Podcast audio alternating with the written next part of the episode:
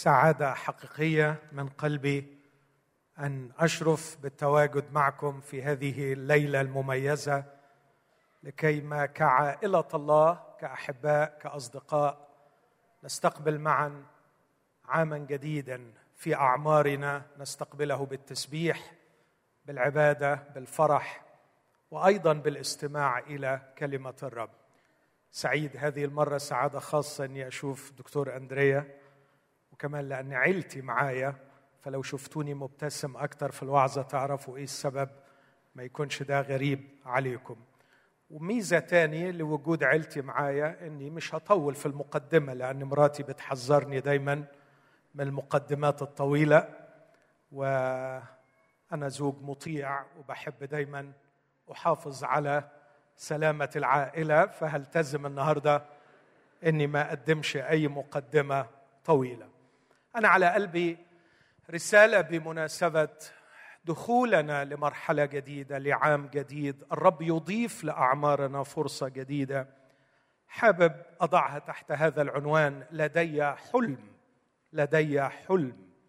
في أغسطس 63 1963 وقف مارتن لوثر كينج على درجات سلم النصب التذكاري لإبراهام لينكولن في واشنطن دي سي. وقدم حديثه الشهير الذي سجله التاريخ. I have a dream. صارت مقالات صارت كتب صارت هناك أوراق بحثية تجرى على هذا الحديث الرائع وصارت هناك أغاني أيضا تغنى تحت هذا العنوان. I have a dream. والحقيقة من وجهة نظري إذا كان يوجد شخص من حقه أن يحلم ومن حقه أن يتمسك بحلمه فهو المسيحي الحقيقي. المسيحي من حقه أن يحلم. وأنا نفسي أقول لكل واحدة ولكل واحد موجود في هذا المساء من فضلك اقبل هذا الخبر الحلو. إني أبلغك رسالة من عند الرب من حقك تحلم. من حقك يكون عندك ل 2018 حلم احلم احلم. وكلمة حلم توقع إيجابي من جهة شيء. ممكن استعمل تعبير حلم. ممكن كمان زي ما سامح كرر أكثر من مرة يكون عندنا أمل. لكن حابب أضعها في صياغتها الكتابية في رسالة الرسول بولس للمؤمنين في روميا قدم هذه العبارة الجميلة. أتمنى لو ممكن تطلع على الشاشة قدامنا نقراها مع بعض.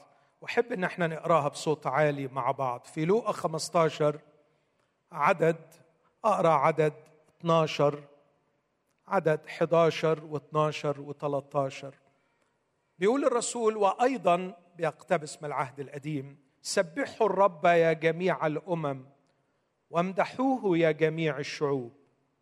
وأيضا يقول إشعياء سيكون أصل يسى أي الرب يسوع أصل يسى والقائم ليسود على الأمم سيكون إيه؟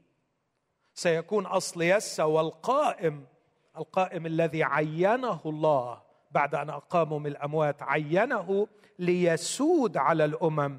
يقول عليه سيكون رجاء الأمم. عليه على الرب يسوع سيكون رجاء الأمم. يعني لو الأمم ترجو شيئا تحلم بشيء فلا يمكن أن يتحقق أي حلم أو رجاء حقيقي بعيدا عن يسوع لأن عليه عليه كما أن مهمة يسوع فداء الجنس البشري مهمة يسوع أن يعطي رجاء عليه رجاء الأمم. وبناء عليه يقول العبارة الجميلة دي اللي أتمنى نحفظها مع بعض. وليملأكم قولوا معايا لو مش آه وليملأكم إله الرجاء كل سرور وسلام في الإيمان لتزدادوا في الرجاء بقوة الروح القدس. ممكن نقول الآية دي تاني مع بعض ونحاول نحفظها. اسم جديد من أسامي الله. يمكن مش كتير بنحفظ الاسم ده. الله إلهنا اسمه إله الرجاء. إله الرجاء. وليملأكم. جميل مش بس يعطينا بالشح يملأنا. إله الرجاء. كل سرور وسلام في الإيمان لتزدادوا في العشم في الحلم في الأمل لتزدادوا في الرجاء بقوة الروح القدس. وليملأكم إله الرجاء. كل سرور وسلام لتز... في الإيمان لتزدادوا في الرجاء بقوة الروح القدس. الكلمة اليونانية المترجمة رجاء في العهد الجديد جت 53 مرة لما بحثت استعمال الروح القدس ليها لقيتها ثلاث مرات فقط من ال 53 تتكلم عن حدث هو حدث مجيء المسيح. لكن خمسين مرة من ال 53 تتكلم عن حالة توقع بهيج توقع لشيء حلو سوف يحدث أو في مرات أخرى عشم عشم في شخص يوثق فيه. توقع بهيج حالة من التوقع البهيج أو حالة عشم في شخص جدير بالثقة. هذا هو الرجاء المسيحي. عشان كده يقول المسيح نفسه هو رجاؤنا. ماذا يقصد أن المسيح رجاؤنا؟ أن المسيح شخص نعشم فيه وهو جدير بثقتنا.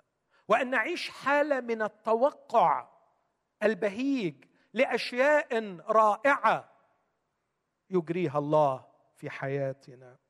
هذا هو إلهنا إله الرجاء الذي يريدنا فعلا أن نرجو وأن نحلم. وأنا هركز الحلم اللي أحلمه لنفسي وأتمنى إن كل واحد فينا يحلم. ما أعرفش بتحلم بإيه. لكن شخصيا أقدم هذه النصيحة أن أعظم حلم تحلمه ورجاء ترجوه أن في عام 2018 تختبر روعة الدعوة التي خلقك الله من أجلها. أن تحقق شيئا جديدا في دعوة الله لك. ايماني الذي لا يتزعزع المبني على كلمة الله والذي تؤكد الظروف لي كل يوم وتؤكد الاختبارات التي أسمعها من إخواتي المؤمنين أو التي المعاناة التي أراها في حياة المؤمنين. تجعلني متيقن أن كل واحد من أولاد الله مدعو ليحقق شيئا على الأرض. 2018 ينبغي أن تكون خطوة قوية في رحلة تحقيق دعوة الله لحياتي. هذا هو حلمي. لا أريد أن أصل إلى 31 ديسمبر 2018 وأنا أنظر إلى أيامي وأجد نفسي أنجزت كثيرا أو قليلا لكن بعيدا عن دعوة الله لحياتي. إن شوق قلبي إن حلمي من جهة نفسي من جهة عائلتي من جهة كل واحد من أولاد الله. أن تكون 2018 خطوة مهمة. من لم يكتشف دعوته يكتشفها.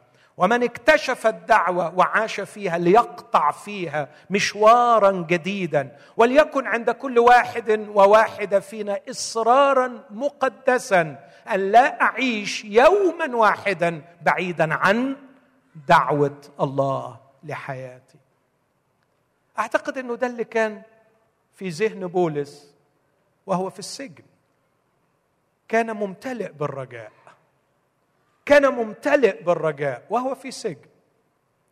وكان يعرف أنه مهدد بالموت لكن كان مملوء بالرجاء. بص الثقة بص الجرأة بص الروعة. بيقول أنا الحقيقة محصور بين الاثنين مش عارف أختار إيه. هو أنت اللي بتختار ولا نيرون اللي هيختار؟ قال لك لا طبعا أنا اللي بختار مش نيرون اللي بيختار. أنا الحقيقة محتار أختار إيه. أختار أن أنطلق وأكون مع المسيح وذاك أفضل جدا أم أن أبقى في الجسد وذاك ألزم من أجلكم لأجل تقدمكم وفرحكم. وبعدين يقرر ويقول وأنا أعلم هذا أنا قررت إني أبقى من أجل تقدمكم ومن أجل فرحكم. وبقي بولس. ولم يستطع نيرون أن يجري كلمته ومخططه الشرير. بقي بولس فرحا مملوءا بالرجاء ويكتب في الأصحاح الثالث بيقول أنا ما بعملش في حياتي غير شيئا واحدا. أنا أنسى ما هو وراء. أنا أمتد إلى ما هو قدام. أنا أسعى نحو الغرض لأجل جعالة دعوة الله العليا في المسيح يسوع. اسمع من فضلك العدد اللي جاي ده. يقول أيها الإخوة أنا لست أحسب نفسي أني قد نلت أو أدركت أنا مش بعتبر نفسي وصلت لكني أسعى. وسأظل يا رب بنعمتك في 2018 أسعى أسعى. كنت النهارده مع صديق عزيز بنتكلم في ترجمات الكتاب المقدس فبيقول لي كلمة اطلبوا تجدوا. بنترجمها غلط بمفهوم إنه يعني اطلبوا تاخدوا من ربنا. في حين إن كلمة اطلبوا اسعوا. سيك أسعى سأجتهد سأقرأ سأفكر سأصلي سأختبر نفسي سأراجع خطواتي سأسعى. أسعى لماذا؟ أسعى لعلي أدرك. أدرك مش بمعنى أفهم لكن أصل. أقول ركض وراءه حتى أدركه تعني أنه قد وصل. أسعى لعلي أدرك الذي لأجله أدركني المسيح يسوع أيضا. لقد رأيت حبيبي يشق السماء وينزل في مزود ورأيته يسير على الأرض ليس له أين يسند رأسه ورأيته يعلق على الصليب من أجلي. وعندما سألته لماذا كل هذه الرسالة والإرسالية العظمى قال لي لكي أدركك. لاني احببتك لاني اريد ان استرجع نفسك التي تشوهت واسترجع لك الغرض الذي فقدته اريد ان ابنيك واريد ان اجعلك انسانا ذا قيمة يحقق الغرض الذي خلق من اجله. لقد ادركتك لقد ادركتك. وأنا ارد عليه واقول له أنا مش هخزيك وبنعمتك هفضل معاك لكي أدرك الذي لأجله قد أدركتني. لقد أدركتني يا يسوع. أشكرك لأنك وصلت إلي يا يسوع.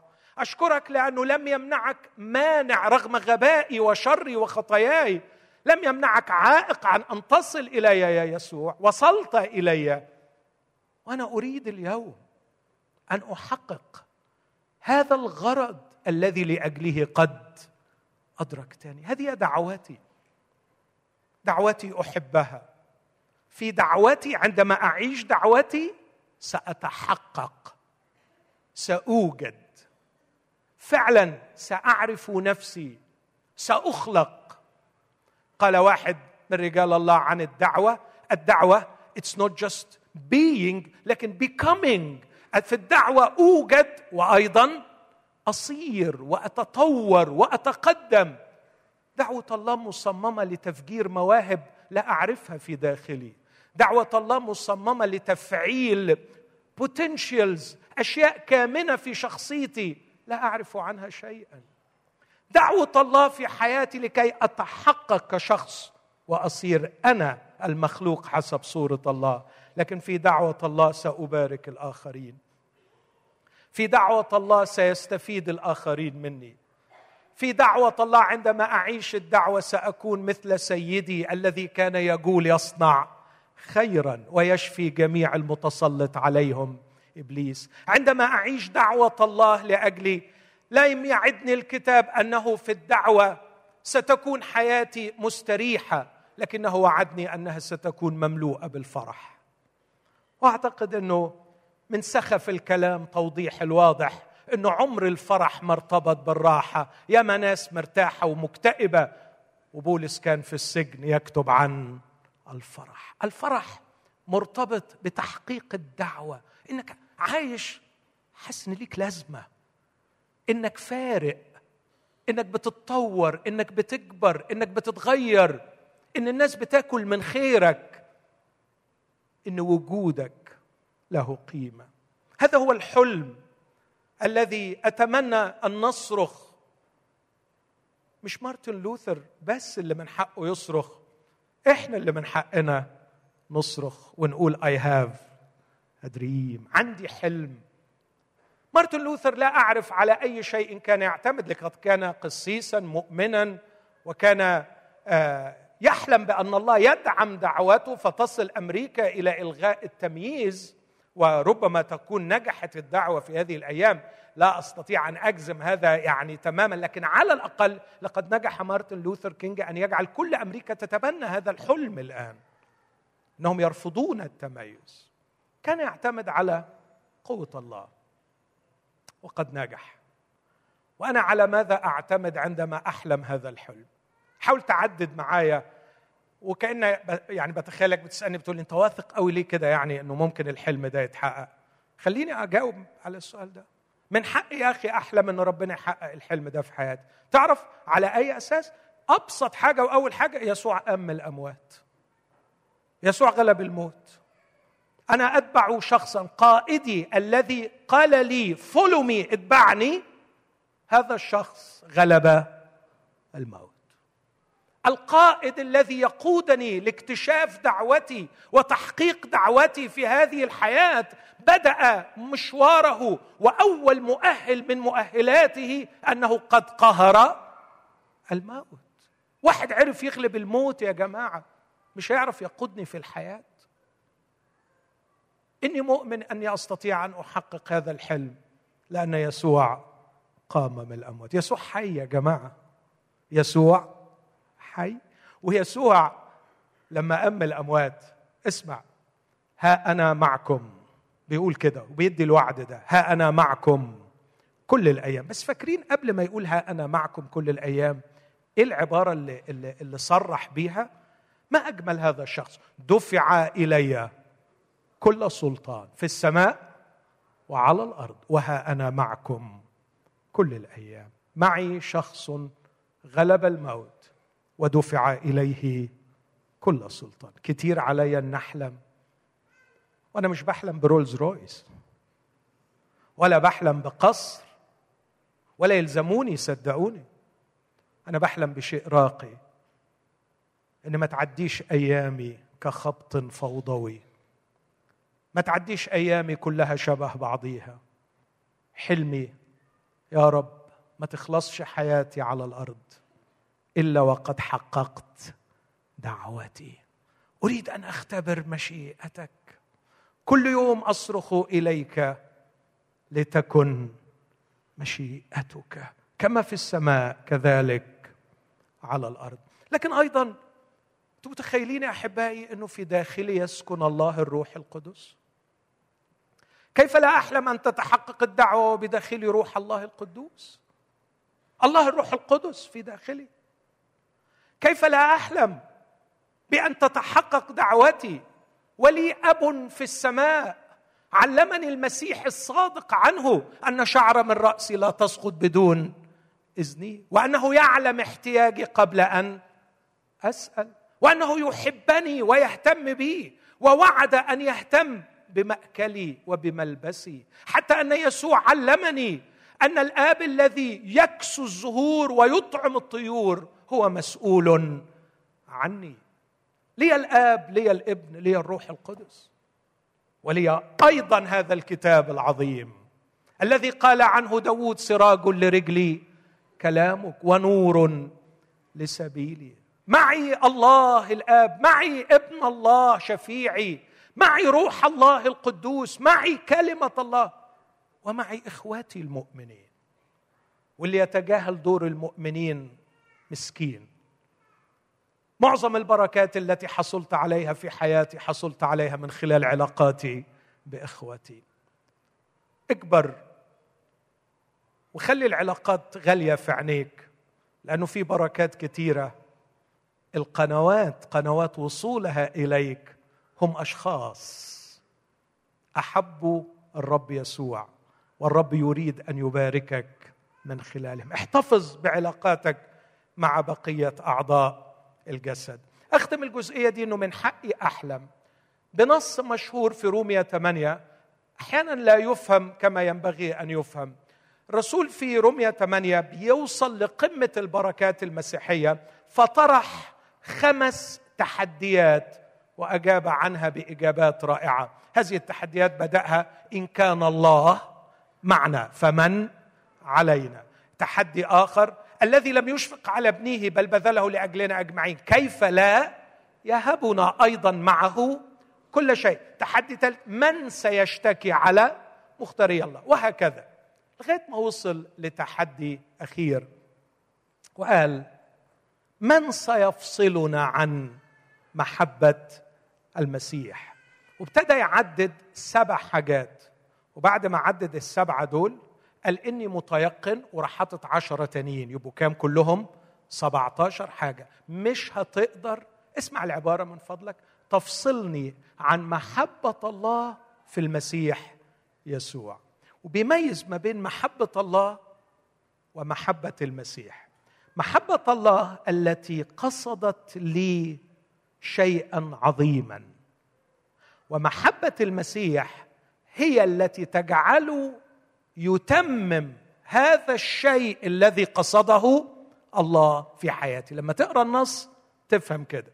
وعشان كده هو بيقول طب محبة الله قصدت لي أشياء عظيمة لكن إيه اللي يضمني إني في 2018 أختبرها؟ قال لك أقول لك إيه اللي يضمن لك؟ المسيح هو الذي مات. بل بالحري قام أيضا.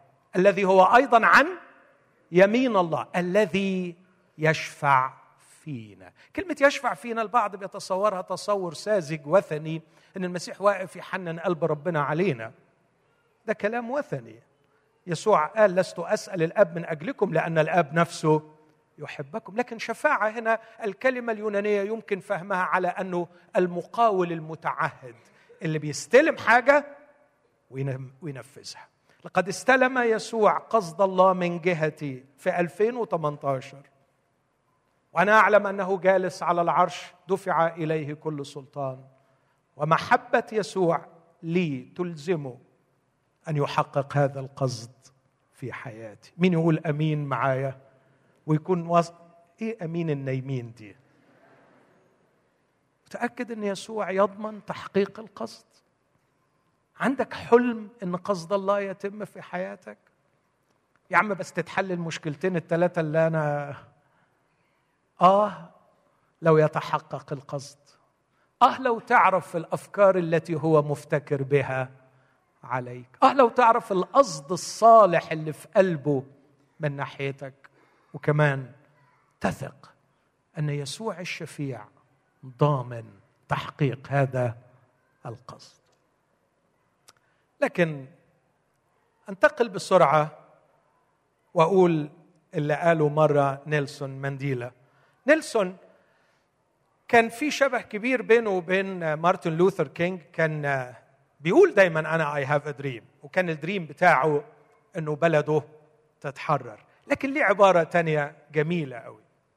بيقول إنه إذا اقتصر الأمر على الحلم بدون عمل vision بدون اكشن يظل الأمر مجرد أضغاث وأحلام. أو مجرد كده يعني أحلام لا تجد تنفيذا على أرض الواقع. وبيقول إنه أفعال بدون vision هذه الأفعال ستكون مجرد مضيعة للوقت. لكن علينا أن نحلم بشيء وعلينا أيضا أن نفعل. وعايز أروح شوية للحتة دي كيف أحلم وكيف أفعل؟ هقول باختصار كيف أحلم؟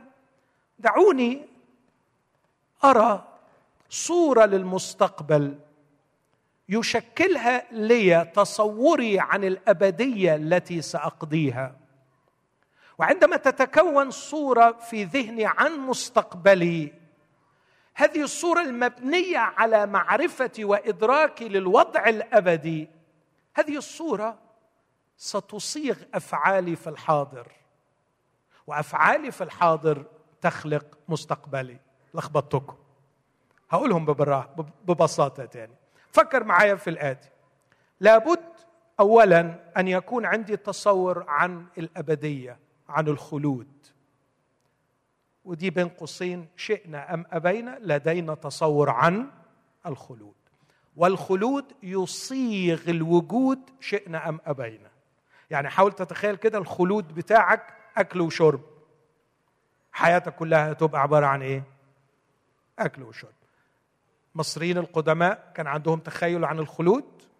كان عندهم تخيل عن الخلود. ادرس حياتهم كلها تلاقي المصري القديم كان يبني الفرعون يبني بيته في سبع سنين يبني مقبرته في عشرين سنة.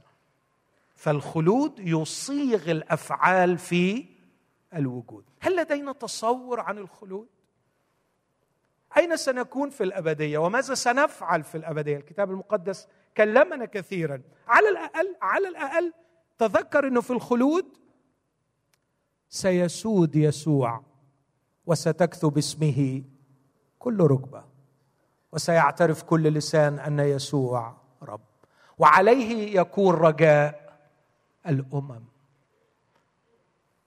أنا شايف الخلود شايف ابن الله على عرشه. وشايف كل ركبة تخضع له. هذا الخلود هو الذي يصيغ تصوري عن مستقبلي الشخصي فيبقى عندي صورة عن المستقبل. أنا نفسي لما حياتي تنتهي على الأرض أكون عملت إيه؟ إيه الصورة الجميلة اللي بحلم بيها في خيالي؟ لابد إن يكون عندك صورة. لابد إن يكون عندك صورة تحلم بيها عن مستقبلك. والصورة دي مبنية على تصورك عن عن عشان أطمن بس أسمع عن الخلود. يبقى الإترنتي بعدين الفيوتشر المستقبل. المستقبل جاي من تصوري عن الأبدية. أول ما أتصور هذه الصورة عن مستقبلي من غير ما تقصد هذه الصورة سوف تصيغ أفعالك الحاضرة. من غير ما تقصد هتلاقي أفعالك الحاضرة متأثرة بعمق بتصورك عن مستقبلك اللي انت تصورته بناء على فهمك للابديه ولما أفعالي تتأثر بتصوري عن المستقبل على فكرة أفعالي دي هي اللي هتعمل إيه؟ أفعالي النهارده هي اللي بتخلق بكرة. هي اللي بتخلق بكرة.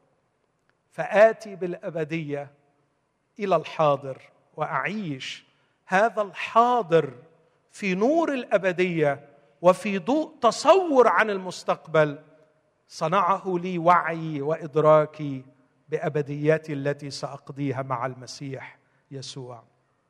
لكن علي أن لا أكتفي بهذا التصور علي أن يكون لدي فعل. والفعل أصيغ في هذه الصورة وأكتفي بهذا علشان ما كنش أنا كنت بفكر الحقيقة ممكن تبقى record أوعظ سنتين يعني أبدأ الوعظة وأخلصها بس يعني مش ألطف حاجة. فأنا هجتهد إني أخلص بسرعة الأكشن. إيه اللي نعمله؟ إيه اللي نعمله علشان نحقق الدعوة علشان نحقق الحلم بتاعنا؟ بس الأول أطمن يا ترى ابتديتوا تتحركوا معايا نفسكم تحلموا الحلم ده؟ أمين؟ نحلم نحقق الدعوة بتاعتنا نعيشها وبدأنا شوية نتأكد إن عندنا مصادر لتحقيق هذه الدعوة. مش مفيش داعي أعيدهم تاني. وكمان بحاول شوية أقول لك إزاي تكون الحلم ده إزاي تكون الحلم. اغرق شوية في المستقبل يا أخي. ما هو ما فيش حلم إلا ومرتبط بالمستقبل. فكر في المستقبل. إله الرجاء. يملأ قلوبنا سرور وسلام في الإيمان. ونزداد في الرجاء بقوة الروح القدس واتشعبط أكتر في الحلم واتشعبط أكتر في يسوع إنه يحقق لي في 2018 حاجة حلوة. بصراحة عايز أنتهي نهاية مشرفة.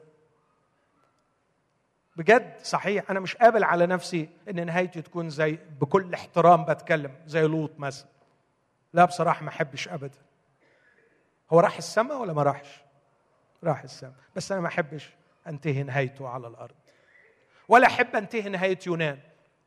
قاعد تحت شجرة كده مكتئب وعمال يطلب الموت لنفسه فقري بعيد عنكم ربنا اداله مدينة بأكملها ربحها ونجحت الخدمة نجاح عظيم ورايح بعد كده يعمل إيه؟ ها؟ يبكي ومكتئب مالك؟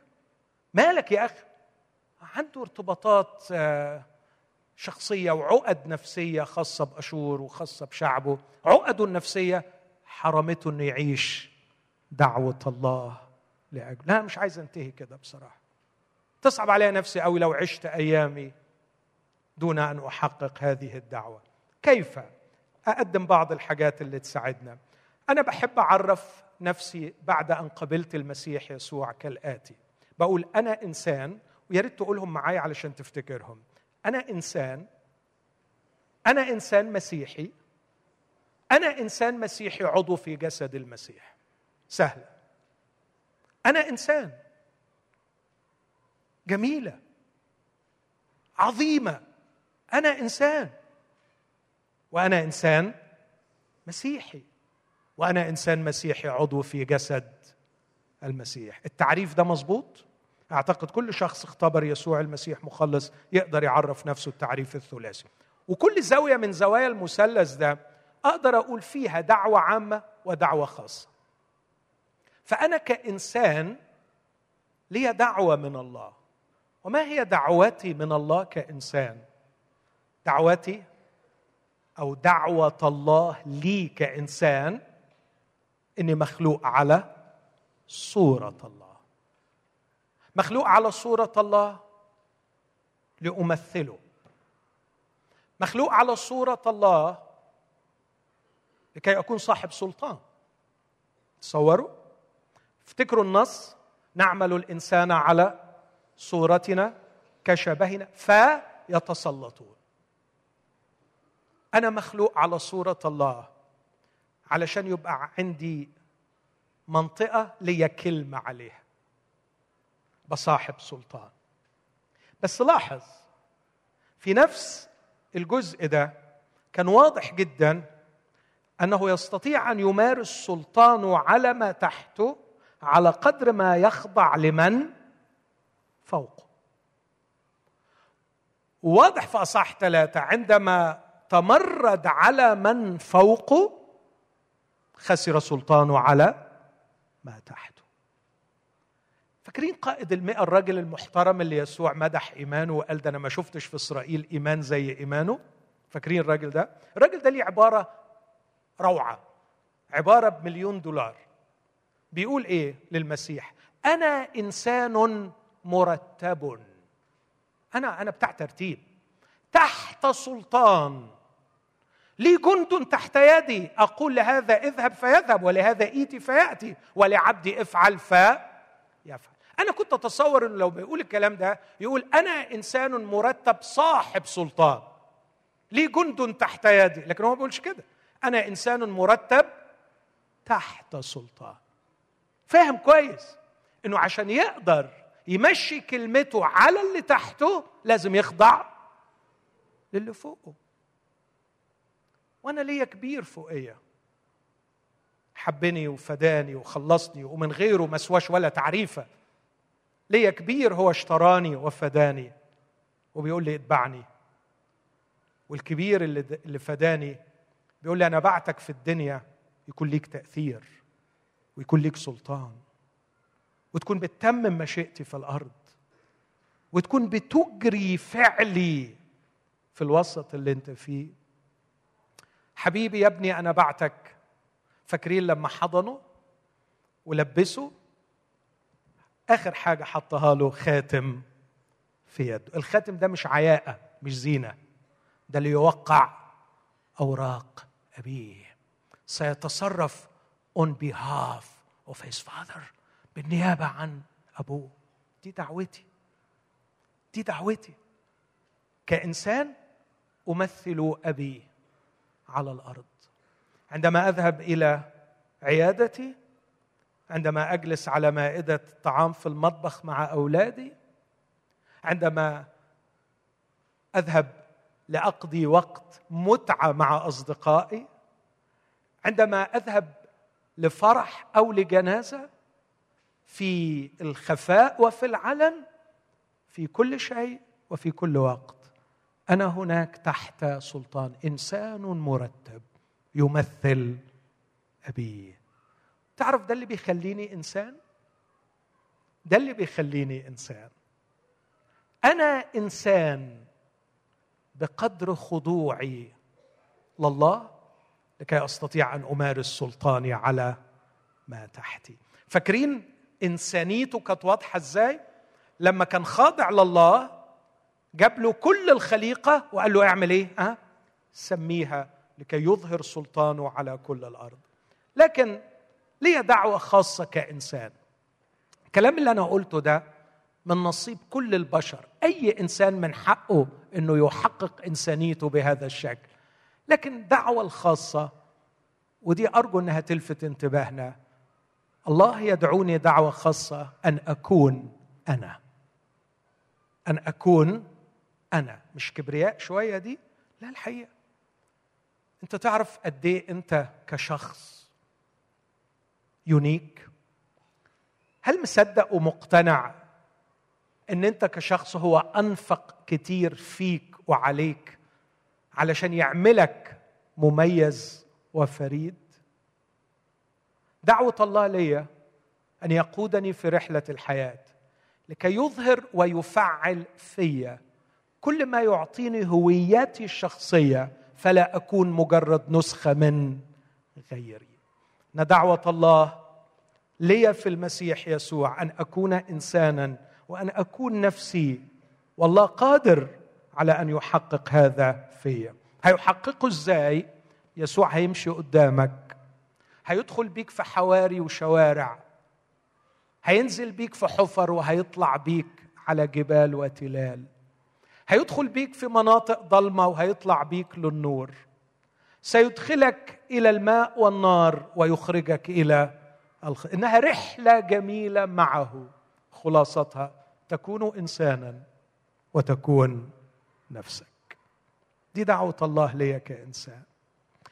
لكني كإنسان مسيحي مع اخوتي المسيحيين لينا دعوة أخرى لي دعوة عامة كإنسان مسيحي مع كل المسيحيين إن أنا أكون مع اخوتي ملح ونور في هذا العالم.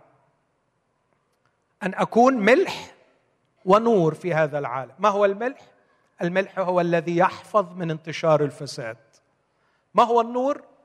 هو هذا الشيء العجيب الذي يقهر الظلام. وعالمنا مملوء بالفساد ومملوء بالظلام. والرب أوجدنا كشعبه لكي نكون ملح ونور. ملح من خلال حياة القداسة التي أعيشها. مش هعمل اللي بيعملوه. مش هفكر بالطريقة اللي بيفكروا بيها. فيستشري الفساد حتى يصلوا إلي ويقف. لأني شخص مختلف. والنور لابد أن أعرف كيف أقهر الظلام. بولس الرسول كان بيقول أسلحة محاربتنا ليست جسدية بل قادرة بالله على هدم حصون. هادمين ظنونا وكل علو يرتفع ضد معرفة الله. علينا أن نعرف العبث والجهل والظلام وأن نكون جاهزين أن نقهر الظلام بالنور بالنور. علينا أن نكشف الحق ونتكلم بالحق. هذه دعوة الله العامة لي كمسيحي. ملح ونور وماذا عن دعوة الله الخاصة لي كمسيحي؟ لا أريد أن أدخل في بحث طويل لكن باختصار شغلك. شغلك. شغلك من الآخر هو دعوة الله الخاصة ليك كمسيحي. وليام تمبل أسقف كانتربري الراجل العظيم قال هذه العبارة لا أعرف خطية أكثر شرًا. من تلك الخطية التي تجعل مؤمنا يفصل الله بعيدا عن الأمر الذي يستهلك معظم ساعات يومه ومعظم أيام عمره. ألا وهي العمل. دعوة الله الخاصة لينا شغلنا. مشتاق من كل قلبي أن نقدس العمل. مشتاق من كل قلبي ندخل ل 2018 وإحنا حابين الشغل بتاعنا. أمين؟ صلي الصلوة دي في قلبك كده. يا رب اخلق حالة حب بيني وبين شغلي. أمين؟ قول أمين. إيه؟ أمين بتطلع بالعافية ليه؟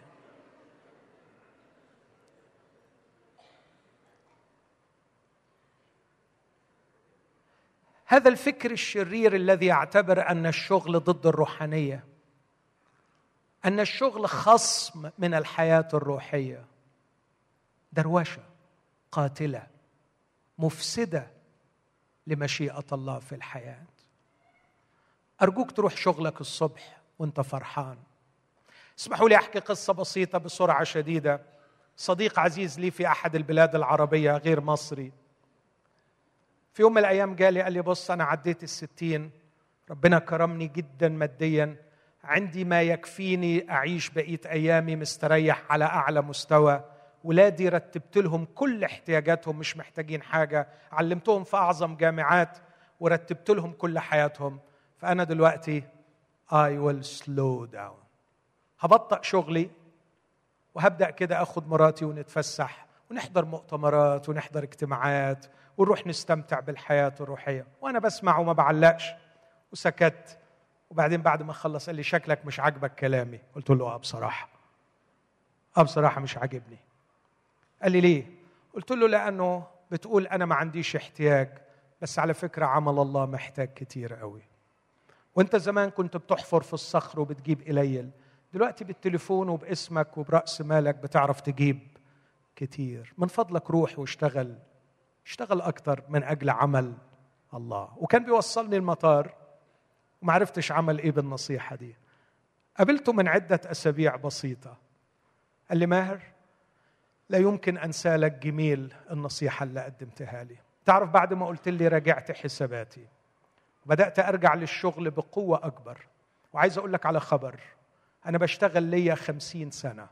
عمري عمري ما كنت بروح شغلي فرحان زي الثلاث سنين الأخرانيين. بروح حاسس إني بشتغل لحسابه هو. كم الخدمات اللي ربنا باركها من خلالي غير عادية. وعايز أقول لك على حاجة بقى الدخل بتاعي زاد أضعاف أضعاف اللي كان بيجي لي. لقد أحب عمله واعتبر أن العمل هو دعوته. هو ما بيعرفش يوعظ ومش مطلوب منه يوعظ. لكن بيعرف يشتغل business كبر ال business بتاعه وينفق منه على عمل الله. الدعوة العامة لي كمسيحي هي أن أكون ملح ونور في هذه الحياة والدعوة الخاصة أن أقدس عملي أن أحب عملي أن أعتبر عملي هو مشيئة الله من جهتي أن أعيشه. اسمع كده الرسول يقول في تيتوس ثلاثة وليتعلم الذين آمنوا أن يمارسوا أعمالا حسنة لأن هذه هي الأمور النافعة للناس. لدرجة أن الخدام أنفسهم كان بيخليهم يشتغلوا. يقول وليتعلم الذين لنا معنا في الخدمة أن يمارسوا أعمالا حسنة من أجل الحاجات الضرورية. العمل دعوة الله الخاصة لحياتك. اشكر رب على شغلك. آمين؟ اشكر رب على شغلك. واطلب من الرب في 2018 أن يبارك في عملك. بس المهم إنك تروح الصبح حاسس إنك رايح الخدمة بتاعتك. رايح تعمل الارساليه رايح تحقق الدعوة بتاعتك. لكن يبقى الزاوية الثالثة والأخيرة أنا إنسان أنا إنسان مسيحي لكن أنا إنسان مسيحي عضو في جسد المسيح. ودعوة الله العامة لكل جسد المسيح أنهم يبنوا أحدهم الآخر. 56 آية في العهد الجديد بعضكم بعضا بعضكم بعضا بعضكم بعضا. دعوة الله العامة لينا كجسد إن إحنا نعيش قريبين من بعض ونحب بعض. من ال 56 14 مرة أحب بعضكم بعضا. اخدموا بعضكم بعضا. ابنوا أحدكم الآخر. بلاش حكاية الكنيسة اللي بندخل نترص كده عرايس تترص. وبعدين نخرج وكل واحد يروح لحاله. بلاش حكاية الكنيسة اللي بنيجي نحصل فيها على اكسبيرينس خبرة كده خبرة انسجام ونروح. مشتاقين في 2018 نختبر دعوة الله العامة لينا ككنيسة إن الأعضاء تشبك في بعضها وتبني أحدها الآخر وتحتك بعضها ببعض وتقبل تحدي اختلاف الأشخاص واختلاف الأفكار. واتدرب واتعلم واقوى وأكبر من خلال التحامي بإخوتي. كتبت مرة كلامي زعل بس هقوله تاني علشان نرفضه. قلت ندخل بوجوه شمعية. نتحرك حركات نمطية. حتى نجلس في أماكننا المعتادة. نجلس بوقار فقد جئنا للعبادة. ثم ينطلق القطار ويبدأ المشوار. شفاهنا تردد ما لم نفكر فيه وعواطفنا منفصلة عن ما نؤديه. عيوننا تحدق في اللا شيء وأذهاننا شاردة في كل شيء. نجلس في انعزال لا ندري بالجوار من عن اليمين أو من عن اليسار؟ لا كلام لا سلام لا حوار فقد جئنا للعبادة. ونظل هكذا حتى يتوقف القطار. ويأتي الخبر السار لقد انتهى المشوار.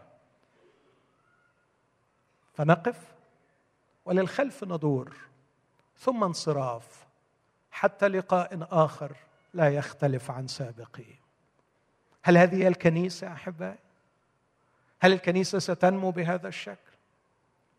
كنيسة 56 آية بتقول بعضكم بعضا. حبوا بعض اقبلوا بعض خدموا بعض عزوا بعض ابنوا بعض. أعرف مؤمنين كتير يقول لك أنا مش عارف موهبتي. طب يا عم الأول بس طيع الأول الدعوة العامة اخدموا بعضكم. بعض ثم تأتي دعوة الله الخاصة لحياتي كانسان مسيحي عضو في جسد المسيح بأن يكشف لي موهبتي الخاصة. في معلم في مبشر في مدبر في راعي في في في. ده إمتى هيكتشف الكلام ده؟ لما أكون مرتبط ومتحد بإخوتي. أعتقد إذا فكرنا في هذا الإطار في 2018 مع المعونات التي ذكرتها أؤكد بنعمة الرب لكل واحد. لن ينتهي هذا العام دون أن تكون قطعت مشوارا حقيقيا في اختبار دعوة الله لحياتك. إخوتي الأحباء إن الأرض من حولنا مفتوحة وأيامنا فعلا أيام مميزة. أنا مش بقول من قبيل التفاؤل أنا شخصيا متشجع جدا. أنا بشوف الأيام دي شباب كنت بحلم من زمان أشوفهم. على أعلى مستوى من التفكير. منتهى العمق في البحث في التحليل في الرغبة الحقيقية في فعل شيء أصيل. أقول لكم حاجة تاني مشجعاني قوي. الزمن اللي إحنا فيه ده النساء قادمات. النساء قادمات. منين ما بنعمل مدرسة تبص تلاقي عدد البنات أكثر من عدد الولاد. منين ما نعمل حوار تلاقي الأفكار العميقة جاية من البنات. منين ما نعمل أي نشاط نلاقي المتميزين هم البنات. فعلا فعلا. دي حاجة تشجع ولا ما تشجعش؟ نفسي أسمعها من الرجاله حاجة تشجع. أنا شخصيا متشجع. ده الستات اللي بيسقفوا طبعا. هذا يعني هذا يعني بالنسبة لي أن هناك حالة انتصار على الموروث الثقافي المدمر. هذا يعني أن هناك شيء قد حدث. خليني أقول لكم حاجة تاني مشجعاني قوي. كم الأخبار اليومية اللي بسمعها عن مخلصين باحثين عن الحق؟ ويتكلفون الكثير في بحثهم. يجعل الشخص مستعد أن ينفق حياته رخيصة من أجل هؤلاء. على أعلى المستويات وفي أبسط المستويات. يوجد عطش حقيقي لمعرفة الحق. الأرض مفتوحة الميدان مفتوح لكي تكتشف دعوة الله لحياتك. فقط فقط احلم وافعل. اعرف أن الحلم لا يغني عن العمل. واعرف أن النعمة لا تغني عن الجهاد. النعمة كما يقول دالاس ويلرد ليست ضد الجهاد النعمة ضد الاستحقاق. أنا خلصت بالنعمة يعني تعني خلصت وأنا لا أستحق. لكن النعمة لا تعني ابدا أنني لا أجاهد. علي أن أبذل الجهد واثقا في نعمة الله واثقا في قدرة الله. هذا هو الحلم الذي أحلمه لي ولكم جميعا. وأصلي من كل قلبي أن إله الرجاء يملأكم كل سرور وسلام لكي تزدادوا في الرجاء بقوة الروح القدس. آمين. وإذا شايف إن حالتك مستعصية أو ظروفك صعبة تذكر قول المسيح. عندما قال له التلاميذ فمن يستطيع أن يخلص؟ قال الغير مستطاع. عند الناس مستطاع لدى الله. ولا أجد أروع من قول الرسول في فيليب في أفسس ثلاثة والقادر والقادر أن يفعل فوق كل شيء أكثر جدا مما نطلب أو نفتكر مما نطلب أو نفتكر يعني حتى مما تحلم. مما تحلم. خد دقيقة معايا دلوقتي احلم. غمض عينيك. واحني قلبك أمام الرب. واحلم. أرجوك الدقيقة دي مهمة قوي. احلم. احلمي. احلم. من حقك إنك تحلم. أن تخرج مما أنت فيه. الا يستمر هذا الوضع الذي صرت فيه؟ احلم أن يكون العام القادم هو عام اختبار الدعوة. الرب يسوع لم يزل واقف ويقول لكل واحد اتبعني. حبيبي يا يسوع ما أروعك. لم يلقي علينا عبء أن نكتشف دعوتنا بأنفسنا إنها أثقل منا. لكنه يقول اتبعني. وعندما أتبع يسوع يسوع يسير أمامي ليقودني لاكتشاف دعوتي. المسيح لا يقول لك اكتشفها بنفسك. لكن يقول لك اتبعني. Follow me. تعال ورايا. سأتبعك يا سيدي في كل يوم من أيام 2018 سأحبك كما لم أحبك من قبل. سيشرق علي نور محضرك كما لم يشرق من قبل. سأقول لك مع موسى إن لم يسر السيد في وسطنا لا تصعدنا. سأصر في كل صباح أن أستمتع بوعدك. وجهي يسير فأريحك. سأذهب وراءك يا سيدي إلى حيثما تقودني. في وسع أو في ضيق. في صحة أو في مرض. كل ما أطلبه منك ولا تحرمني يوما واحدا من العيشه في قلب دعوتك لي. إني متمسك بحقي أن أختبر مشيئة الله لحياتي. أن أدرك الذي لأجله أدركني يسوع المسيح. إني مؤمن يا أبي أنك خلقتني لأعمال صالحة سبقت وأعددتها لكي أسلك فيها. وحلمي. أن كل كمية الأعمال التي قصدتها ل 2018 أختبرها أعيشها. أتبعك يا يسوع. وأثق أنك مسؤول عن تحقيق هذا الحلم. آمين.